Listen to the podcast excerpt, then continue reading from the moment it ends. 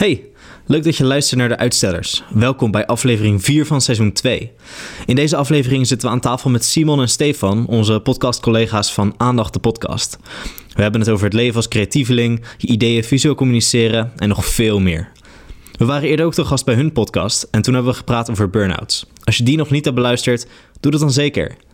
Ook geven we graag aandacht aan onze vriend van Gerard Street. Je weet al, van die toffe koptelefoons. Heel veel plezier met aflevering 4.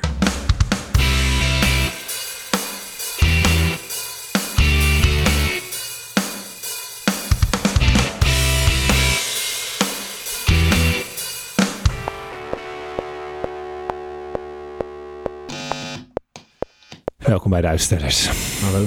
Dank je. Dankjewel. Ehm ik ben Ruben. Ik ben Aaron. Ik ben Erwin. En eh, wie zijn jullie? Ik ben Simon. En ik ben Nick. Nee, eh, Stefan. Van aandacht. We hebben aandacht bij ons. Ja. Eindelijk, een keer. Ja, hou je aandacht er even bij, Ruben. Oh mijn god. Dat was hem wel. Nee, vandaag ehm, hebben we twee gasten. Dat is een eh, primeur voor ons. Het moet nog steeds wel eh, kanttekeningen. We hebben tot nu toe alleen maar mannen op de podcast gehad. Daar moet wel een keer verandering in gaan komen. Dat hebben we ook al vaker gezegd. Doen we niet zoveel aan. Niet dat jullie niet aardig vinden of zo, maar eh, hè, al het eenzijdige. Noted en ignored. Exact. Gebeurt nog wel een keer. Komt goed. Je bent duidelijk geen feminist. eh. Maar Oké. Dat is de volgende aflevering. Ja. All the men are independent. Gewoon weer die besje, jongen, deze podcast. Ai, ai, ai, ai. Waar gaat het heen? Waar gaat het heen? Jongens, jongens. Goed. Anyway. Anyway, we hebben hier Simon en Stefan van Aandacht. En eh, zij maken dingen en zij krijgen er ook geld voor. Dus daarom, eh, dan, ben, dan, dan, dan, dan, Dan- dan hangen dan- wij aan je lippen. Ja. dan, dan ben je al snel gekwalificeerd als, eh, als potentiële gast. Dat is toch, er staat heel dus zo in het woordenboek, als je ergens iets betaald krijgt, dan ben je professional. Wow. Ja, jullie, zijn, jullie zijn echte professionals. Wij, wij klungelen maar wat aan. En, eh, Dus ja. mensen die een uitkering krijgen, zijn professionals. Professioneel bankzitter. Oh, oh. Nou, zeven weken, niet langer dan dat natuurlijk. Nee, welkom. Welkom in deze ongestructureerde podcast. Ja. De en, gestructureerde hebben we net gehad. Dank je. en gelukkig hebben jullie al een beetje voorbereid waar we het vandaag met jullie over willen hebben. Eh, wij zijn namelijk altijd heel erg onder de indruk van mensen die weten waar ze mee bezig zijn. In ieder geval waarvan wij het idee hebben dat ze weten waar ze mee bezig zijn. dus dit is heel goede radio. Ja, maar toen jij zei, we zijn heel erg onder de indruk van mensen die weten waar ze bezig zijn. Dan dacht ik van, maar ik weet de helft van de tijd niet eens waar ik mee bezig ben. Dus toen schoot ik in de lach. Precies, maar dat is meteen een mooi eh, antwoord op onze eerste vraag. Eh, eigenlijk niet een heel antwoord. Maar ehm, waar, wat wij graag weten, willen weten van mensen is... wie ben je, wat doe je, waarom ben je ooit begonnen en waarom doe je het nog steeds? En omdat jullie onze gast zijn, eh vinden we het vooral interessant wat van jullie eh, te horen. Hey, wie van jullie durft te beginnen? Ja. Buitenlanders mogen eerst, hè? Ja, dank je. Eh, wie ben je? Stefan Kleijan. Eh, wat ik doe? Ehm, ik ben UX-designer, maar ik red me altijd met alles met tekenen. Eh, ik teken eigenlijk al, ja, dat is ook wel mooi trouwens. Waarom ben je er ooit mee begonnen? Ik kon eigenlijk eerder tekenen dan ik kon praten. Ehm, ik heb ook, mijn moeder die heeft echt knijten veel tekeningen van mij bewaard toen ik een jaar of 2,5 was, drie. En eh, aan de hand van mijn tekenen werd er geconstateerd dat ik... ik kreeg een labeltje, creatief begaafd ben. Oh nee. Dat ja. En ik deed altijd alles met tekenen. Dus ook eh, stress verwerken. Ehm, als ik me niet helemaal kon uiten, kon ik me altijd alles uit... Met tekenen kon ik me overal uit redden. en eigenlijk, uiteindelijk kwam... Ja, dank je. En uit, Hey, even, ja. ja, ja, High five. Ja, en, maar waarom ik dat nog steeds doe, ik merk dat ook eh, waarom ik ben op een gegeven moment, een, nou, ik heb binnenkort een pilot dat ik eh, zakelijk tekenen aan eh, mensen in het eh, professionele leven eh, meegegeven. Ik merk dat door middel van tekenen eh, sommige dingen veel makkelijker en sneller gaan. In plaats van dat mensen eindeloos gaan zitten schreeuwen over wie gelijk heeft. Vaak zeggen ze dan nog hetzelfde. Kan je door middel van een tekening zoveel ruis uit een discussie halen. En dat is niet alleen tijdens een vergadering over, bij wijze van spreken, nou, noem het iets, een nieuwe strategie voor eh, 2020. Maar het helpt bij zoveel verschillende. Zelfs als ik met mijn zoontje van vijf zit, dan kan ik ook door middel van tekenen soms sneller met, met hem communiceren door, dan dat ik tegen hem zit te praten. Dus tekenen is echt zeg maar mijn redmiddel voor zoveel dingen. Wauw. Eh, Simon die eh, maakt zich al klaar om ook te gaan praten nu. Mag hoor, mag. Ja. Jullie hebben alle tijd. Volgens mij ging je een Instagram story maken, maar... Ja. ik, werd, onderbroken, maar oké. Eh, ik ben eh, Simon van Acht. Dat is niet mijn echte naam. Ik heet eigenlijk Johannes Petrus Godefriedus, maar dat terzijde. Nice. Als, als een JPEG. anders. Ik ook. Ja, ik ook. Ik ben geboren als JPEG. Bestandsformaat. Eh, dat heb ik serieus ooit een keer gebruikt in een presentatie. Maar los daarvan, wat doe ik? Nou, het is misschien meteen een bruggetje. Ik, eh, ik ben net als Stefan ook UX-designer. Daarnaast ook eh, fotograaf, Hey. eh, dichter, eh Brabander. Maar dat doe ik niet echt. Krijg je daarvoor betaald ook? Of, eh? Voor Ja. Brabant zijn. Op feestjes. Ah. Subsidie. schade, Eh, schade. ja. Ik krijg uitkering. Eh, wat doe je? Nou ja, eh, dus een hoop creatieve dingen. Eh, waarom ben je er ooit mee begonnen? Ik kan me nog herinneren dat eh, toen ik eh, klaar was met mijn HAVO, dat ik op alle eh, taalkundige vakken heel goed scoorde. Dus ik had eh, examen gedaan in Nederlands, Engels, Frans en Duits. Maar ik wist nooit zo goed wat ik daar nou echt mee kon of mee wilde. Hmm. Ehm, toen ben ik, eh, in die periode was ik ook bezig met Photoshop en websitejes maken. En ja, een beetje begonnen met tutorials en dat soort dingen. En dat vond ik eigenlijk wel heel leuk om te doen. Toen ben ik naar een open dag geweest van communicatie en multimedia design. Heb ik voor die opleiding gekozen en dan bleek een schot in de roos. Het is echt voor het eerst in deze podcast. Ja, ja. nou ja, ik, ik, eh, ehm, ik heb daar dus ook zelf nooit echt bij stilgestaan hoe dat kwam. Maar ik kon daar denk ik heel erg mijn, mijn eh, creativiteit in kwijt. En ik kreeg er ook heel veel energie van om creatief bezig te zijn. En later in mijn eh, carrière heeft dat zich ook vertaald, denk ik, naar vooral betekenisvolle dingen doen voor anderen. Ik denk dat als jonge professional ben je vooral bezig met jezelf. En hoe je jezelf kon ontwikkelen en wat je zelf leuk vindt. En is de wereld om je heen verder niet zo heel boeiend. Maar naarmate je ouder wordt en meer ervaring krijgt, eh, wordt die wereld denk ik een stukje groter. En dat is denk ik ook de reden waarom ik het ook nog steeds doe, is omdat ik er eh, nog steeds energie van krijg en nog steeds heel leuk vind om te doen. Eh, ik ben wel aan het overwegen om misschien in de nabije toekomst iets heel anders te gaan doen. Omdat ik vind dat ik keer op keer een beetje hetzelfde aan het doen ben. Keer op keer hetzelfde wiel aan het uitvinden ben.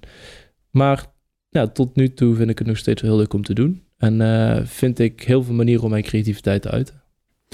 En kunnen jullie ook een beetje aan onze, onze luisteraars uitleggen die niet weten wat UX is, wat dat precies is? Want eh, voor ons is het eh, ondertussen een beetje duidelijk. En we hebben wel eens eerder een UX-gast gehad, maar iedereen legt op zijn eigen manier uit. Wat, wat, ja, ik ben wel benieuwd hoe jullie dat eigenlijk zien. Ja. Eh, Dus geef gewoon nog een keer antwoord op de vraag: wat doe je? maar misschien ook een beetje nou Jip en Janneke level. Ja, Precies. Ja. Ja. gewoon. nou, dat is wel grappig, want ik, Explain it like I'm five. ja, ik las laatst een artikel over, eh, nu is het natuurlijk de feestmaand. Mhm. En eh, dat je op, eh, met kerst en zo moet uitleggen aan je oma wat je nou doet. Eh, dat dat best voor UX'ers best wel een uitdaging is. Want het klinkt best wel ingewikkeld en zo. Nou, oudjes zeggen dan, ja, je doet iets met internet. Ja, precies. Of ik maak Ja. websites of zo. Hebben jullie ook wel eens Ehm. zeg maar, dan echt de, de creatieve schop onder de tafel gehad van... eh, ja, oké, leuk. En eh, wat is je baan? Hebben jullie die wel eens Eh, gehoord? Nee, eigenlijk nooit. Nee, maar wel heel vaak de vraag van... Oké, maar wat kost zo'n website dan? Ja. Wel echt heel vaak. Terwijl mensen ja, niet echt altijd goed weten wat voor werk er allemaal in zit. Ehm, ik denk, als ik het zou mogen uitleggen aan mijn oma... dan zeg ik inderdaad, ik doe iets met internet en ik maak websites. Eh, maar om daar nog eh, een stapje boven te gaan zitten is... dat je door middel van onderzoek... eh, digitale producten en diensten eh, beter maakt... of problemen oplost eh, voor merken. Dus ik, ik maak producten en diensten gebruikersvriendelijk omdat er ook die behoefte is voor dat product. Nice. Oké, en gaat het dan echt om zeg maar, fysieke producten of zie jij dan de website als product? Eh, ik focus me wel met name op digitale producten. Eh, maar dat kan alles zijn. Nou ja, dat kan een, een, een e-commerce eh, platform zijn, een webshop, eh, een app, een website, maar ook een interactieve installatie of nou ja, alles Een service. is. Ja, een service. Ja. Zie je dat hetzelfde, Stefan? Ik eh, werk al zo lang met hem samen, dus alles wat daaruit komt, daar eh, kan ik me ook wel gigantisch gaan. Maar misschien als we het iets meer Jip en Janneke, als we zeg maar, als de luisteraars zeg maar niet echt heel veel van eh, UX gegeten hebben en ook zeg maar dat digitale producten eh hen ook niet zeg maar eh, helemaal bekend is. Ehm, hoe zouden we het nog simpeler kunnen uitleggen? Heb je Instagram, eh, Tinder of Facebook op je telefoon? En eh, swipe jij van links en naar rechts? Of eh Super- dubbel, super like. jij voor een like? Nou, dat zijn dingen die, die interactie en hoe dat werkt en hoe dat, vooral hoe dat voelt en eruit ziet, dat zijn dingen die wij bedenken. Ja, en de frustraties die je dan op een gegeven moment hebt van... hey shit, ze hebben die knoppen veranderd. Hey, ik kan op een gegeven moment die dingen niet meer vinden. Dat komt ook door ons. Dat, daar kunnen wij ook de oorzaak van zijn. Maar het kan ook in één keer zijn dat je denkt van... hé, hey, het is eigenlijk- zit nou op een veel logischere plek. Dat is ook ons werk. Maar eigenlijk dat je dat niet eens merkt. Ja. Dat is het vooral. Dat het gewoon zo, nou ja, en dan gebruik ik weer een moeilijk woord, intuïtief is. Ik wil hem net zeggen. Eh, You work in the dark to eens, serve eh, the light. ja, dat je het niet eens merkt. En hoe ben je dan op die plek terechtgekomen? Want het- als kind begint het dan met eh, tekenen of je, je blijkt heel creatief te zijn. En, hoe, en, en hoe, waarom kom je dan opeens in het UX-gebied terecht? Eh, voor mij is dat begonnen toen ik eh, nou, inderdaad dus communicatie multimedia design ging studeren. We een verdiepingsprofiel moesten kiezen. Eh, we konden kiezen uit vier verschillende profielen, dus vormgeving, technologie, noem maar op. Ik koos voor communicatie. Eh, dat ging met name over eh, merkcommunicatie, dus identiteit, strategie, hoe zet je jezelf in de markt, propositie. Vanuit daaruit een minor gedaan, diversity marketing. Met, nou ja, het was eigenlijk gewoon doelgroepenmarketing met heel veel verschillende doelgroepen onderzoek gedaan, type onderzoek, noem maar op. Uiteindelijk daarnaast wel altijd dingen ontworpen. Dus nog steeds bezig met websites, Photoshop, eh, het creatieve deel. En uiteindelijk is dat soort samengekomen ook door, nou ja, heel veel ervaring op te doen bij bureaus en opdrachten. eh groei je er eigenlijk zo een beetje in. Dus het is niet dat, dat, dat ik op een dag wakker werd en dacht van... oké, ik word nu UX-designer. maar meer dat ik daar gewoon in ben gerold. Dan zou ik me wel zorgen gaan maken als ik dat, als ik dat zou zeggen. Ja, ik denk wel dat eh, misschien mensen die nu... Nu is dat natuurlijk... Dat vakgebied is best hot and happening. Ja. De afgelopen tijd of jaren misschien wel. Dat, dat eh, jonge mensen die net beginnen met studeren wel denken van... Oh ja, dat creatief en dat apps en dat digitaal, dat zit, daar zit het wel. Ik word gewoon UX'er, punt. Is het voor jou ook zo, Stefan? Ja, ik begon eigenlijk als grafisch ontwerper. Eh, Een aantal jaren als grafisch ontwerper gewerkt. En op een gegeven moment dacht ik van ja, is dit het wel? Eh, maar ik heb toen gemerkt, er is op een gegeven moment die crisis geweest. En eigenlijk alle grote bureaus die waren eerst eh, vooral gestoeld op huisstijl. Eh, web, dat was meer een soort van geintje wat je erbij deed. Nou, op een gegeven moment werd die vraag steeds prangender van ja, we willen een eh, website hebben. En de rest was eigenlijk daaronder geschikt aan. Dacht ik, oké, als web en dat digitale zeg maar zo interessant is, is het misschien nog wel interessant voor mezelf om daar een stap in te maken. Dus toen heb ik master nieuwe media en digitale cultuur gedaan hier in Utrecht. Uiteindelijk heb ik mijn primaster netjes gehaald, al mijn mastervakken netjes gehaald. En toen echt de laatste maanden, nou toen werd ik op een gegeven moment eh, vader. En toen dacht ik, oké, ik moet het toch wel een soort van serieus gaan doen. Dus het is of mijn master af gaan maken, of gewoon fulltime gaan werken. Nou, toen dacht ik van ja, ik moet toch wel gaan werken. Toen ben ik uiteindelijk als art director aan de slag gegaan. En eh, eigenlijk met die kennis die ik ervoor had en ook met wat uit de master kwam, wat ik daar heel tof aan vond, is eh, je hebt eigenlijk een wisselwerking tussen technologie die ons beïnvloedt, maar ook wij die technologie beïnvloeden. En dat dat in een soort van balans leeft. En toen dacht ik van, hé, hey, ik vind dat vraagstuk van hoe wij interacteren met technologie, maar ook wat wij ervan leren, ja, dat is iets wat ik mee moet nemen voor de komende jaren of waar ik me zeg maar zou in willen specialiseren. Nou, dat eh, kreeg ik bij het bureau waar ik hiervoor zat. Nou, en eigenlijk nu bij eh We Are You krijg ik volledig eh, de ruimte om me daar nog verder in te verdiepen. Ehm, dus je ziet dat ik eigenlijk vanuit een hele vrije, creatievere kant... ben ik uiteindelijk steeds meer richting dat proceskantje gerold. Ehm, en weet je, waar je enerzijds bij een grafisch ontwerp de uitdaging hebt... in het verzinnen van een super vette vorm en uitstraling... en een super vette visuele schil... zit hier de creativiteit echt in van hoe zorg ik ervoor dat mensen zo min mogelijk frictie hebben op het moment dat zij met mijn oplossing interacteren. Dus ja, als zij op een gegeven moment na afloop denken: hey, fuck, dit ging echt super simpel. En echt, eh, nou, ik vond laatst, een paar maanden terug, toen zeiden op een gegeven moment, we hadden een aantal mensen achteraf geïnterviewd. En toen zeiden de, ja, het is dat wij het snappen, maar oudere mensen, ja, die zouden dit denk ik wel lastig vinden. Terwijl alle oudere mensen die we na afloop van de test hadden geïnterviewd, zeiden allemaal: Wauw, dat dit nog niet eerder is geïnitieerd bij jullie. En ze zeiden: Dit is zo handig. We hoeven nou niet meer uit de auto een hele parkeerplaats over naar een receptie toe. Nee, we hoeven ons daar geen zorgen meer mee te maken. Onze vakantie begint op het moment dat we bij scheken eh, de deur verlaten, hoeven we ons geen zorgen meer te maken over allerlei van die randzaken. En dat vond ik wel echt dat ik dacht van, hé, hey, dan hebben we toch wel ergens een super slimme, leuke oplossing bedacht. Nou, het mooie is denk ik wel, en dat is om even terug te komen op de vraag van Ruben. We zijn natuurlijk niet echt ingerold, alleen het is wel ergens mee begonnen. En ik denk dat wij allemaal, nou ja, een soort van, eh, we zijn eigenlijk een soort van digitale psychologen, zou je kunnen zeggen. Nice. Eh, omdat wij, wij zijn heel erg bezig met mensen en eh, in hoeverre wij ja, mensen kunnen beïnvloeden, klinkt een beetje dark en duister, Mhm. maar wel kunnen beïnvloeden op een positieve manier. Dus hoe kunnen wij het leven van mensen makkelijker, fijner maken? Dus het zit ook heel erg op nieuwsgierigheid naar wat mensen drijft en welke eh, angsten mensen hebben of waar mensen behoefte aan hebben. En daarna te luisteren en dat door te vertalen naar een oplossing. En dat proces is creativiteit. Ja, kun je een voorbeeld geven van hoe dat dan ongeveer gaat? Want eh, voor heel veel mensen staat misschien het, het bezig zijn met, met technologie ver vandaan bij creativiteit. Ik bedoel, als je eh, muziek maakt of schrijft of ik wat, dat, dat, dat, dat klinkt misschien heel creatief, maar hoe kunnen jullie je creativiteit dan kwijt in juist dat stukje? Ja, ik denk dat wel. Nou, ik ben dat gaat in mijn hoofd gaat het alle kanten op en ik pleit altijd voor structuur. Maar wat ik dus heel fijn vind met door ook met techniek te praten, techniek geeft mij de kaders van wat mogelijk is. En het is net zoals met als ik een, eh, iets moet koken. Ik hou gigantisch van koken, maar zonder recept, zonder ingrediënten, ehm, Zonder pannen, zonder lepels. pannen. Ik heb, ik heb Ja. zeg maar die kaders nodig om met die kaders te gaan spelen. Is mijn vrijheid cre- binnen ja. gebondenheid, En mijn, altijd. mijn creativiteit die zorgt ervoor dat ik met die kaders niet één oplossing kan bedenken, maar dat ik, als ik helemaal loezoe ga, kan ik bij wijze van spreken 30, 40 verschillende oplossingen voor iemand bedenken. Geef me helemaal de vrije hand, dan word je helemaal knettergek. Maar dan heb ik ook zoiets van, ja, waarom heb je die keuze gemaakt? Ja, weet ik niet, maar ik was gewoon aan het spelen in welke samenstelling ik alles kon krijgen. Maar dat, dat vind ik de uitdaging van, oké, en dat is ook samen met development, ga ik dan kijken van, oké, wat is van de oplossingen die ik er allemaal heb liggen?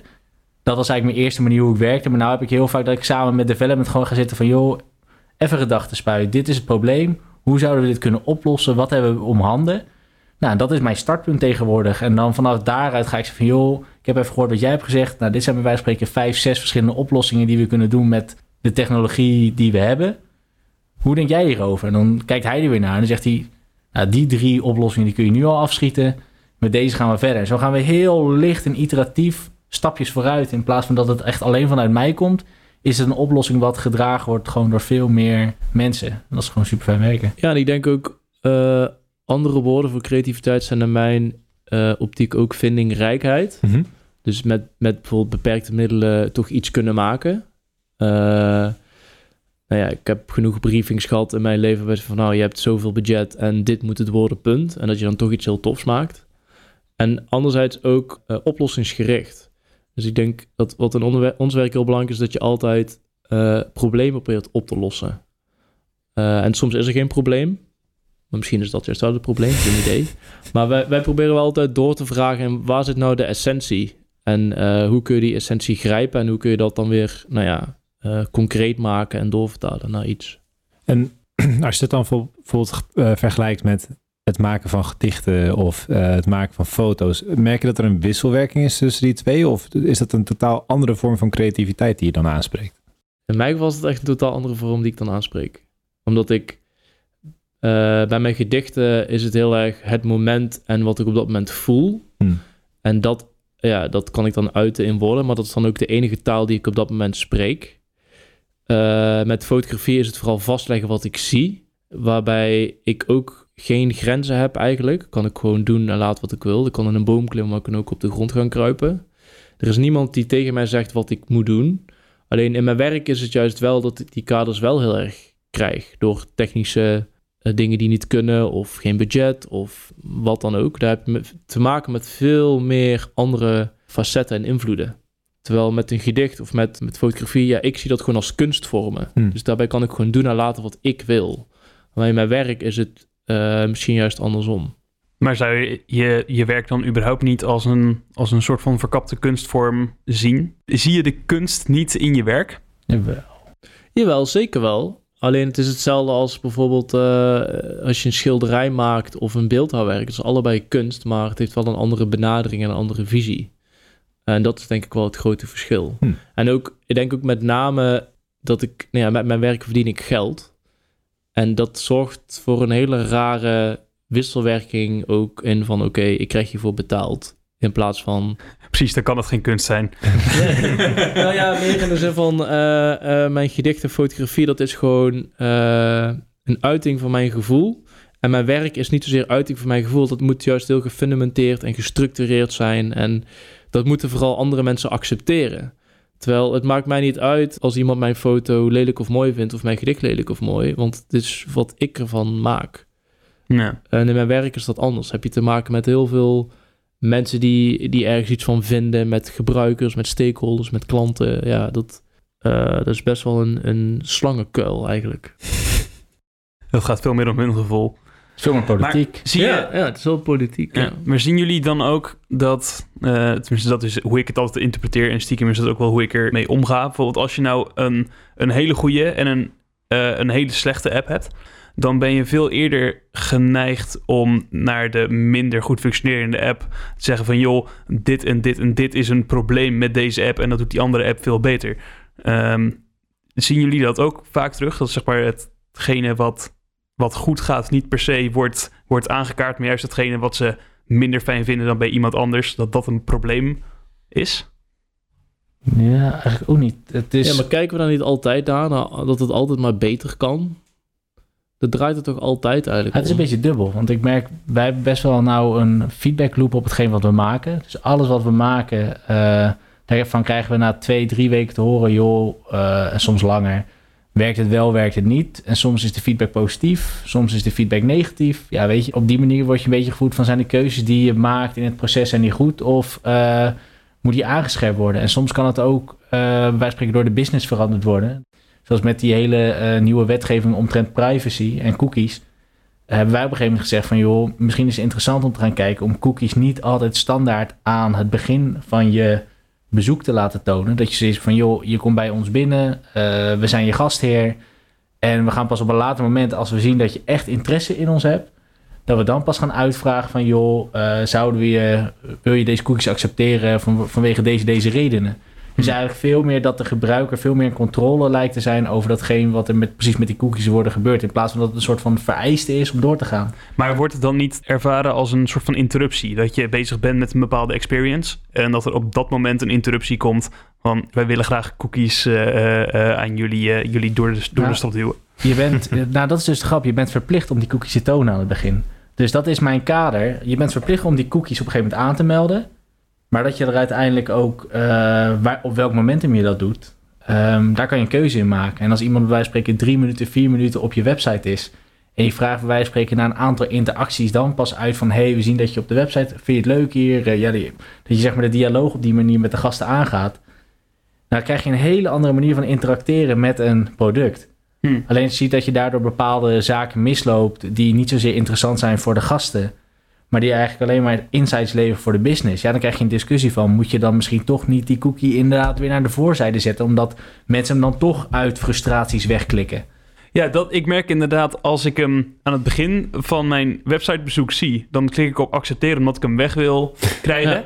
Ehm, als ik hem ergens halverwege een websitebezoek zie, dan zie ik vaak dat ik op negeren klik omdat ik erover nadenk en liever niet wil dat mijn eh, gegevens worden verspreid. Maar dat zou een veel. Eh, daarin zetten we eigenlijk jouw patroon van hoe jij erop gebruikt, zetten wij centraal. Dus eigenlijk is de output dan veel eh reëler of veel Hmm. meer, veel representatiever. Ja. Eh, maar ja, de business die wil eigenlijk gewoon zoveel mogelijk insights hebben. Dus dan is het gewoon in, inderdaad interessant van, joh, eh, zie het maar als drempel. Ja, ik wil door, ik wil door, ik wil door, ik wil door. En daar zie je dat, dan ben je als UX'er, moet je daartussen gaan staan van, oké, wat gaan we doen? Kiezen we in die zin voor de belangen van het bedrijf? Of kiezen we in die zin voor de belangen voor de gast? En soms is dat gewoon een beetje jong leren. De ene keer kies je dan ervoor inderdaad voor de belangen van de gast te gaan. Maar soms kan je niet anders. Wat ik wel heel bijzonder vind aan, aan dit vak, en zeker als je het vergelijkt met, met kunst, waarin je vooral jezelf aan het uiten bent, is dat ik het idee heb dat je pas echt een goede UX'er bent als jij dus eigenlijk je volledig kan inleven in de persoon die jouw product of jouw dienst gebruikt. En wat bij heel veel kunst is, ben je vaak veel meer bezig vanuit jezelf van ik wil dit van mezelf laten zien en eh, zorgen, iemand bedenkt zelf wat hij van, eh, van vindt, hè, wat jij ook net een beetje zei Simon. Maar eigenlijk vind ik het juist heel bijzonder dat je voor, mijn gevoel heb je veel meer empathisch vermogen nodig als, als UX'er, omdat je iemand volledig probeert te begrijpen, dan wanneer je als kunstenaar gewoon jouw ding de wereld inslingert. En eh, ik vind het op zich wel grappig, want het is een heel nieuwe manier eigenlijk van creativiteit tonen. Iets wat misschien eh, van deze, ja, van de afgelopen Het is paar ook jaar een is. beetje, denk ik, het verschil tussen subjectief en objectief. Hm. Omdat wij worden in ons vakgebied doodgegooid met doelstellingen, meten is weten, analytics, noem maar op. Eh, Mhm. We kunnen nu tegenwoordig ook echt alles meten, zelfs tot aan emoties. Ik heb laatst nog een, een meeting bijgewoond waarbij ze ook gewoon letterlijk gewoon je, je emotie kunnen meten. Van Brain Engineers. Ja, en dat is, zover gaat het gewoon. En ehm, als het gaat om kunst, dan kun je zeggen, ja, dat vind ik lelijk of dat vind ik mooi. Maar het is niemand die, die kan dat niet meten of zo. Dat is geen waarheid. Terwijl, Ja, maar het ligt ook een beetje in de motivatie. Want het is, als je kijkt naar echt de succesvolle kunstenaars van vroeger, maar ook van nu. De reden waarom zij succesvol zijn, is omdat ze de juiste linken naar buiten weten te leggen. Ze weten de juiste Ja. mensen bij hun proces. En dat is eigenlijk niet zo, zo, niet zo anders dan wat wij moeten doen. Wij moeten ook de juiste mensen bij ons proces betrekken om toch tot een soort van podium te komen waarin we zeg maar onze eh, professie mogen eh, oreren. ja. Ehm, daarin zie ik wel een overeenkomst. Ik heb het altijd wel meer vergeleken met eh, topsport. Het werk wat wij doen. En niet zozeer met, met kunst. Omdat ik vind dat wij eh, in ons vakgebied altijd echt aan de top of our game moeten zijn. En met zoveel dingen rekening moeten, moeten houden. Met technologie, met trends, met mensen, met stakeholders, met politiek, met onze eigen creativiteit. Wij zijn continu eh, nou ja, aan het jongleren met honderd verschillende balletjes in de lucht. eh, en continu die balans zoeken. Waardoor je nou ja, ik wil niet zeggen dat je geen moment mag verslappen, maar het, het is best wel een complex werkveld. Je hebt een creatieve aanjaagfunctie. Ja. Althans, zo noemen wij het wel. Zo je bent eigenlijk als een UX een soort van katalysator van de rest van het traject. Dus je zit heel vaak, zit- ben je al vooraf ben je bij een traject betrokken om enigszins richting ergens aan te geven en te prioritiseren. Ja, je bent eigenlijk een soort van terecht, want er komt heel veel in. Ben ik begonnen bij nieuwe opdracht. Ik, ik zei ook van, geef mij gewoon alles wat je hebt. En maak erin geen onderscheid van, nou, dat zou die wel of niet moeten weten. Gooi alles op mij en ik filter het wel. Ik maak wel onderscheid tussen hoofd- en bijzaken, tussen wat belangrijk is en wat niet belangrijk is. Dus inderdaad, je bent een soort van ja, vertaalmachine. Eh, niet alleen voor jezelf, maar ook voor de mensen om je heen en in dat proces. Grappig. Weten wij eigenlijk ook meteen wat onze andere broer echt doet? Ja, eindelijk. Ja, Nou, hij, hij is nooit bij feestjes, maar komt gewoon omdat hij zo druk is. Nou Ja. nee, de- maar de grap is wel dat... ehm, zeker toen uh, Theon, onze andere broer, dan toen hij nog thuis woonde... en ik dus nou, vaak genoeg aan tafel zat... en dat dan de frustraties van het werk gedeeld werden... dan ging het uiteindelijk toch heel vaak over het politieke spelletje... wat er gespeeld wordt. En waar hij tegenaan liep... en welke mensen, zeg maar, inderdaad... het hele UX nog niet op waarde kunnen schatten... en uh, waarom die developers altijd alleen maar, zeg maar zeggen... nee, kan niet, of uh, het boeit niet, of uh, ja, de, dat doen we achteraf wel... en eigenlijk zouden even al die mensen dit, deze hele pitch zeg maar, van net moeten luisteren. Zodat ze weten van oké, dit is wat UX nou inhoudt. Dit is de meerwaarde die het biedt. En dat je eigenlijk heb je ook nu meteen van in welke fase van het proces zijn jullie eigenlijk allemaal wel niet aanwezig. Want het is niet even aan het begin van, oh, we doen één keer UX en dan is het klaar. En het is ook niet, oh, je bouwt een website en dan aan het achteraf kijk je nog even, oh, misschien moet dat knopje op een andere plek en dan ben je ook klaar. Het is veel meer interactief en je neemt ook een heel andere rol in het systeem in. Uh, ik denk dat dat wel goed is voor meer mensen om dat zeg maar te realiseren van, oh ja, dit is best wel waardevol. Ja, en ook om te weten dat je met je, jouw creatieve brein niet alleen maar heel erg mooie dingen moet kunnen maken voor jezelf, maar dat je dat ook kunt inzetten voor, ja, dat is natuurlijk met, met technologie is dat de vraag van, is het echt voor het welzijn van iemand anders of niet? Dat is, uh, volgens mij hebben jullie met Dark UX, hebben jullie daar ook al een, een aflevering over gehad, dus we raden meteen aan om dat te gaan luisteren. En dat is natuurlijk altijd een leuk spanningsveld, maar ik vind het wel ik, ik vind het heel grappig hoe je door middel van jouw werk uit te oefenen, je veel dichter bij iemand anders kan komen. Uh, en meetbaar dan misschien met het maken van een schilderij. Ook al weet je dat het misschien meer losmaakt in mensen. Maar aan de andere kant, een, een, een slechte app maakt ook heel veel los in mensen. En... Ja, nou, het is, er zijn denk ik twee dingen die ik daarin, uh, die mij nu triggeren. Is één is, uh, het is eigenlijk nooit af. Hmm. Natuurlijk ongeacht van wat je maakt, als het een campagne is, dan heeft het natuurlijk wel een soort van uh, einddatum. Maar uh, als je bijvoorbeeld aan een website werkt, die is eigenlijk nooit af. Mensen denken van oké, okay, nu is de website live, het is nu klaar, uh, we kunnen gaan slapen. Maar dan begint het eigenlijk pas. Ja. Want inderdaad, dat knopje moet misschien wel links in plaats van rechts. Of die kleur moet misschien wel anders. Of nou ja, wat dan ook. Of winkelwagen moet mand heten. Ja. het, is, het is dus ehm, eh, nooit af. En dat maakt ons werk denk ik ook, nou ja, ook wel gewoon heel interessant. Is dat je inderdaad een, een, een slechte app ziet en denkt van ja, het is slecht, maar ja, het kan ook beter. En dat zou dan zo, zo kunnen. Want er bestaat misschien wel heel veel slechte UX op de wereld. Maar ja, daarom zijn wij er denk ik ook. Wat ik ook wel mooi vind, is dat af en toe als je links iets verandert, dat het invloed heeft op rechts. en dat je denkt. Ja, en ik, ik sprak laatst uh, iemand en die zei, ja, Simon, uh, ik heb al advies nodig, want um, ik weet niet zo goed wat ik, uh, wat ik nou moet doen. Ik kom misschien een studie doen en ja, meer in het creatieve design. Ik zei, oké. Okay. Wat is dat dan? Ja, dat is een studie en dat is dan drie maanden, dan nog een stage en dan ben je klaar en la la la. Ik zei, oké, maar waarom wil je dat dan gaan doen? Ja, ja, ik vind creativiteit vind ik wel leuk, want ik krijg energie van. Ik zei, oké, maar waarom krijg je daar dan energie van? Ja, weet ik niet. Vind ik gewoon leuk. Ja, dan haak ik eigenlijk al af. Omdat, know what you're getting yourself into, zeg maar. Kijk, Stefan en ik hebben redelijk wat ervaring en wij zijn ook ooit uh, jong en onbezonnen begonnen. Maar ik weet nu um, wat het allemaal inhoudt. Die, inderdaad, die politiek en alles wat erbij hoort. Dat is echt niet allemaal even leuk. Dat is ook de reden waarom heel veel mensen die CMD-opleiding niet hebben afgemaakt, die ik gedaan heb. Want na één jaar dachten ze, oh, het is dus meer dan alleen Photoshop. Nou ja, Tel deed ook CMD aan uh, Hogeschool Rotterdam. En toen hij die opleiding volgde, hoorde ik inderdaad ook uh, in jaar twee van... Nou, er zijn, uh, het is het 40% is afgehaakt ja, of zo. Ja. dat, klinkt allemaal herkenbaar. Afhakers. Ja. Afhakers, uitstellers. Een collega van mij die dacht, die was er heilig van overtuigd dat onze podcast niet de uitstellers, maar de afhakers heten. Uitstel komt afstel, ja, dat is Maar waar ik wel een soort van een beetje benieuwd naar ben. Uh, je noemde natuurlijk net al een soort van dat je het niet echt als kunstvorm ziet. Uh, of dat soort van dat heel insteek anders is. Uh, merk je dan dat je nog steeds wel op hetzelfde of op dezelfde manier uh, een stukje van jezelf in je werk legt en uh, dat je daar ook soort van tegenaan kan lopen. Dat jij denkt van oké, uh, ik heb met heel mijn hebben nou heb ik nou ja, deze oplossing bedacht voor dit specifieke probleem. Ik weet dat dit gewoon de beste shit in de wereld is en echt, als, ze zouden mij moeten aannemen bij weet ik veel Google of whatever, want en als dat dan wordt afgekapt, dat dat soort van op diezelfde manier een soort van soul crushing is van dat je je eigen waarde van voelt. Nou, daar hadden we het er net ook over. Af, uh, voor mij raakt dat nooit echt heel erg of zo. en dat, daar heb ik echt een soort van tef voor. Maar dat is ook omdat ik heb een beetje de inzending van het is nooit af. Ja. Dus ik heb ook zoiets van hetgeen wat ik nu maak, dan kan ik, geef mij een week en ik kan het nog beter maken. Ik, en nou, ik heb dat niet echt dat ik me om een pik getrapt of zo. nou, dat vind ik nou ook wel iets interessants om te horen. Uh, in uh, de podcastaflevering die we nou ja, op uh, jullie platform hebben opgenomen, hadden het natuurlijk over burn-out en bore-out en hoe ga je daar nou mee om.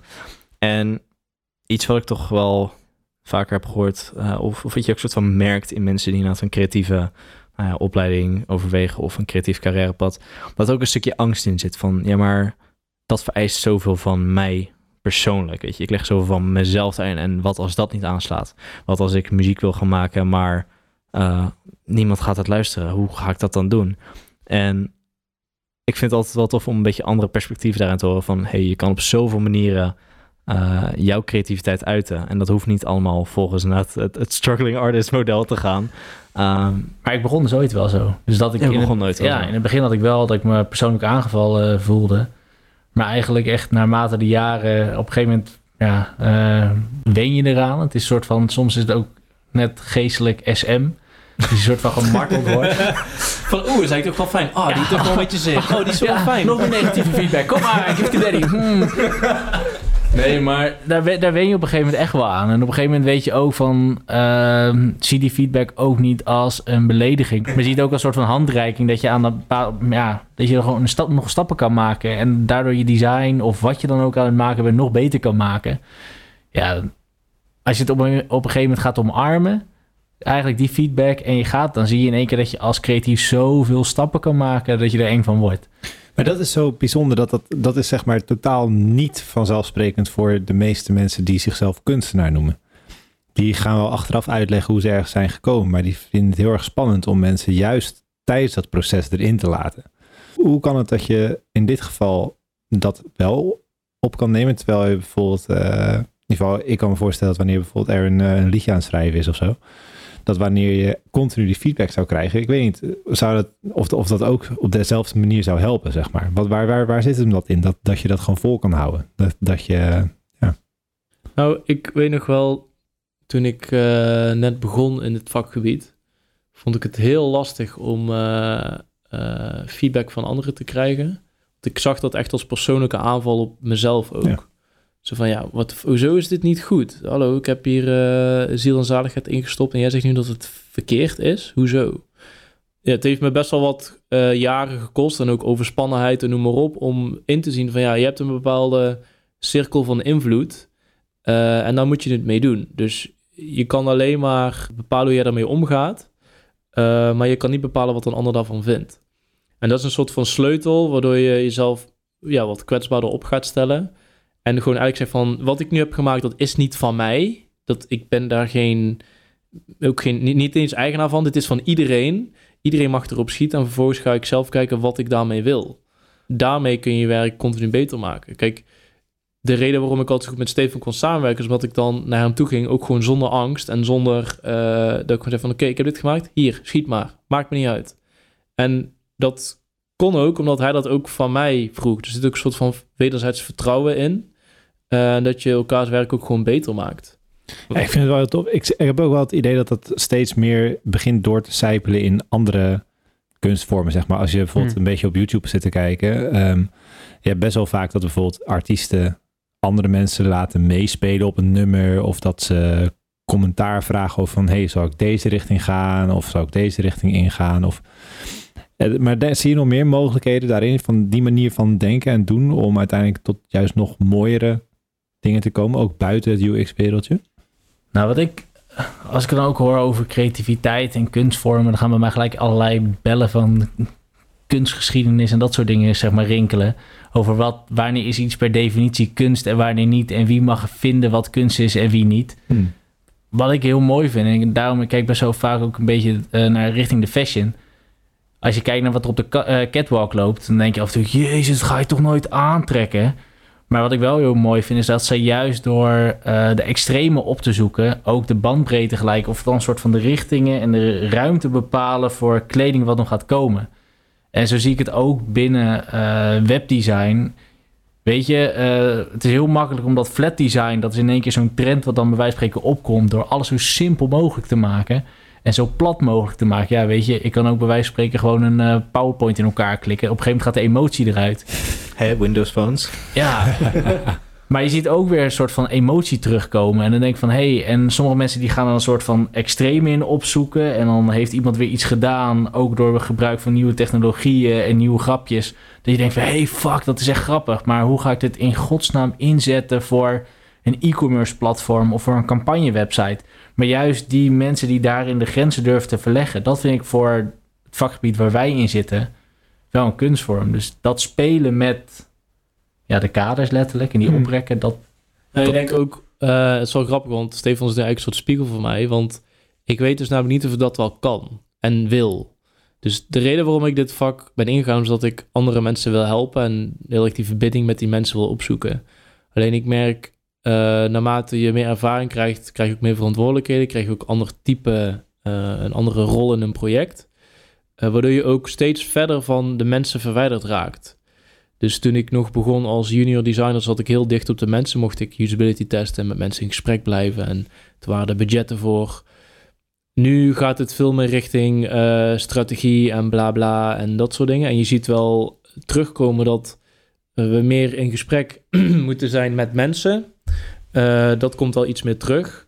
Maar toch voel ik daar eh, door alle politiek en alle andere dingen te weinig ruimte voor. Hmm. En dat is wel de reden waarom ik ooit met dat vak begonnen ben. Dat is inderdaad de vraag van nou, moet ik dan niet eh, zoeken naar een ander type project waarin ik dat wel kan doen? Of moet ik gewoon in die zin, klinkt heel zwaar, maar de hoop opgeven en iets anders gaan zoeken?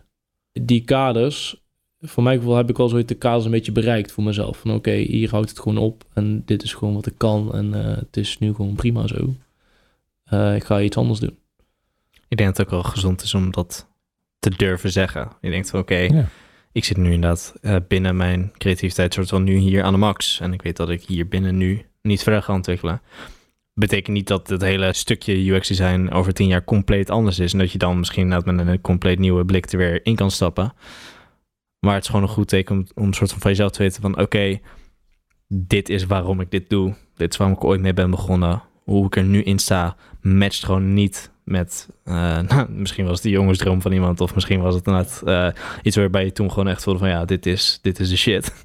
Uh, en dat gewoon te kunnen durven zeggen en daar ook gewoon actie op te kunnen ondernemen. Nou het zij switchen van project, het zij cursus zakelijk tekenen te gaan cursus zakelijk tekenen, precies. Ja. ja. en, en, dan kom je ook toch misschien weer een beetje uit op iets waar het uh, iets er ook over dat gewoon van je side hustles hebben en gewoon je andere dingetjes doen. Nou ja, weet je, ik, ik ben jou gaan kennen als fotograaf en uh, denk, denk van ja shit man, Simon die post echt vet veel, dat wil ik ook. uh, of nou ja, weet je, zakelijk tekenen, nou het begint als een idee en dan denk je van hé, hey, hier zit misschien eigenlijk echt wel wat in en nou ik wil niet te hard roepen, maar voor hetzelfde geld zie je over, uh, over tien jaar zie je van die LinkedIn-post met dat jij zeg maar de nieuwe Gary Vaynerchuk bent, omdat jij ooit dat briljant idee had of zo, weet je, dat soort dingen, dat, dat soort kansen zien en dat soort dingen durven aangrijpen. Nou, dat is ook iets wat gewoon echt wel aangemoedigd mag worden. Je bent natuurlijk niet verplicht om voor de rest van je leven dat ene ding te gaan doen. Nee waar je ooit mee bent begonnen. Inderdaad, van tekenen kun je in UX terechtkomen. Kun je opeens, uh, nou ja, weet ik veel waar terechtkomen. Zakelijk tekenen, weet, jij veel wat er uh, ooit op je pad gaat komen. En waar je over vijf of tien jaar staat. Het is ook wel mooi om inderdaad gewoon je ogen, je ogen open te houden voor al die kansen. Ik vind het wel grappig om te zien dat, misschien nog generaliseren, maar als je nog jong bent, zie je nog dat heel veel mensen zoekende zijn in wat ze willen en wat ze leuk vinden en waar ze energie van krijgen. Als je dat eenmaal gevonden hebt, dat je dat daarna eigenlijk uh, nog een keer tegenkomt. Ja. Omdat je dan een soort van, nou, ik heb het ontdekt en de lol is een beetje vanaf. Maar dat je dan veel beter weet wie je bent, waar je voor staat en wat je wil. Waardoor je ook veel makkelijker de keuze kan maken van, nou, ik ga nu die richting op, want dat voelt goed. Doe me ook een beetje denken aan um, het hele idee van soms dat mensen dan uh, als doel kunnen hebben van, ik wil de beste zijn in X. Of, mm. uh, maar er is niet echt, naar mijn mening, zo'n soort doel in het leven. Uiteindelijk hebben we al een soort van één einddoel. Dat is doodgaan. Uh, en als je, als je zeg maar jouw ultieme doel in je leven nou, op je 25ste al bereikt hebt... en nou ja, met een beetje geluk mag je nog door tot je de 85ste... wat ga je in die andere 60 jaar dan doen? Ga je zeg maar continu op hetzelfde niveau zitten, hetzelfde level, hetzelfde ding doen... 60 jaar lang, want laten we even reëel zijn, pensioen hebben wij straks toch niet. Nee. Um, Ga, ga je dan nog gelukkig worden? Weet je, is het behalen van zo'n einddoel uh, en dat zeggen van oké, ik heb uh, dit bereikt, is dat dan, is dat dan een soort van ja. compleet? Ja, ik zie het meer als een soort van de, de reis, de, de, de journey is. De destination. Ja, de journey is the destination. ja, weet ik veel wat voor lul uitspraken daarover zijn, maar het, het concept uh, sluit ik wel bij aan, weet je. Van ja, je vindt je eerste, ik voel, je eerste passie en daar ga je een paar jaar mee en dan ontwikkel je, je leert jezelf kennen, je leert meer over de wereld kennen. En dan stelt dat automatisch soort van bij en je merkt van oké, wat ik nu waardeer is eigenlijk helemaal niet meer uh, dit en dat. Ik bedoel, nou ja, Theon dan, die, is, die begon ooit ook met uh, logo's. logo's maken en een keer een magazine samenstellen voor een verjaardag. En toen zag iemand dat en dacht, hé, hey, ik kan jou wel gebruiken. Is het UX-wereldje ingerold. En nu merkte hij ook, uh, zat ik zaterdag met hem te praten en zei hij van ja, eigenlijk ben ik helemaal geen goede designer. Weet je, ik kan een soort van helemaal geen, uh, geen, geen fucking brandboek in elkaar zetten. En een soort van, ik ben iemand die dat lekker uitbesteedt. Ik ben over nou, strategie en het nadenken. En dat is waar die soort van nu dan ja. achter komt van, dat is waar mijn talenten nu liggen. En waar ik me nu op wil focussen. En over tien jaar is dat waarschijnlijk weer anders. En dat is soort van ook oké. Okay. Er is niet één einddoel waar je heen moet gaan. Nee, er zijn gewoon heel veel doelen. Maar het probleem is inderdaad dat je het een einddoel ja. noemt. Want ja, term is wat, er, ja. ja, wat, is, wat is er dan? Wat, wat is er daarna? Wat is er ja, maar gaat, achter het einde? Inderdaad, gaat het, per, gaat het om die ultieme zelfontplooiing of is er meer dan dat? Gaat het uh, uiteindelijk niet meer om jou, maar gaat het om mensen daadwerkelijk helpen of zien of nou, in ieder geval aandacht hey. geven. hè, hoe dat er ook uit mag zien. Ik, uh, ik vind het ook wel een leuke uh, om zelf over na te denken. Omdat ik merk dat inderdaad, als je niet oplet, dan ben je vooral heel erg bezig met, maar hoe kom ik het beste tot mijn recht of zo. Maar wat als je dan volledig tot je recht komt? Wat ga je dan doen? Weet je, en ik denk dat we het daar voor vanavond even bij moeten gaan laten. Wil Aaron zijn trein nog kunnen halen? Maar ik vind het wel een, eh, een leuke gedachte om eh, verder op te gaan kouwen. En eh, praten we vast nog een keer over bij. Zeker. Kunnen we jullie nog ergens vinden? www.aandachtenpodcast.nl Instagram, aandachtenpodcast, eh Simon van Acht. Steven Kleijan. En eh, geef ons vijf sterren op Apple Podcast. Ja, zeker. En En- ons dan ook ja. meteen als je Ja. toch bezig bent. Ja. Als je die moeite neemt, kom op, kun je al. Dank jullie wel, jongens. Leuk dat je er waren. Ja, thanks dat we er mochten zijn. Ja. Graag tot dan de volgende keer.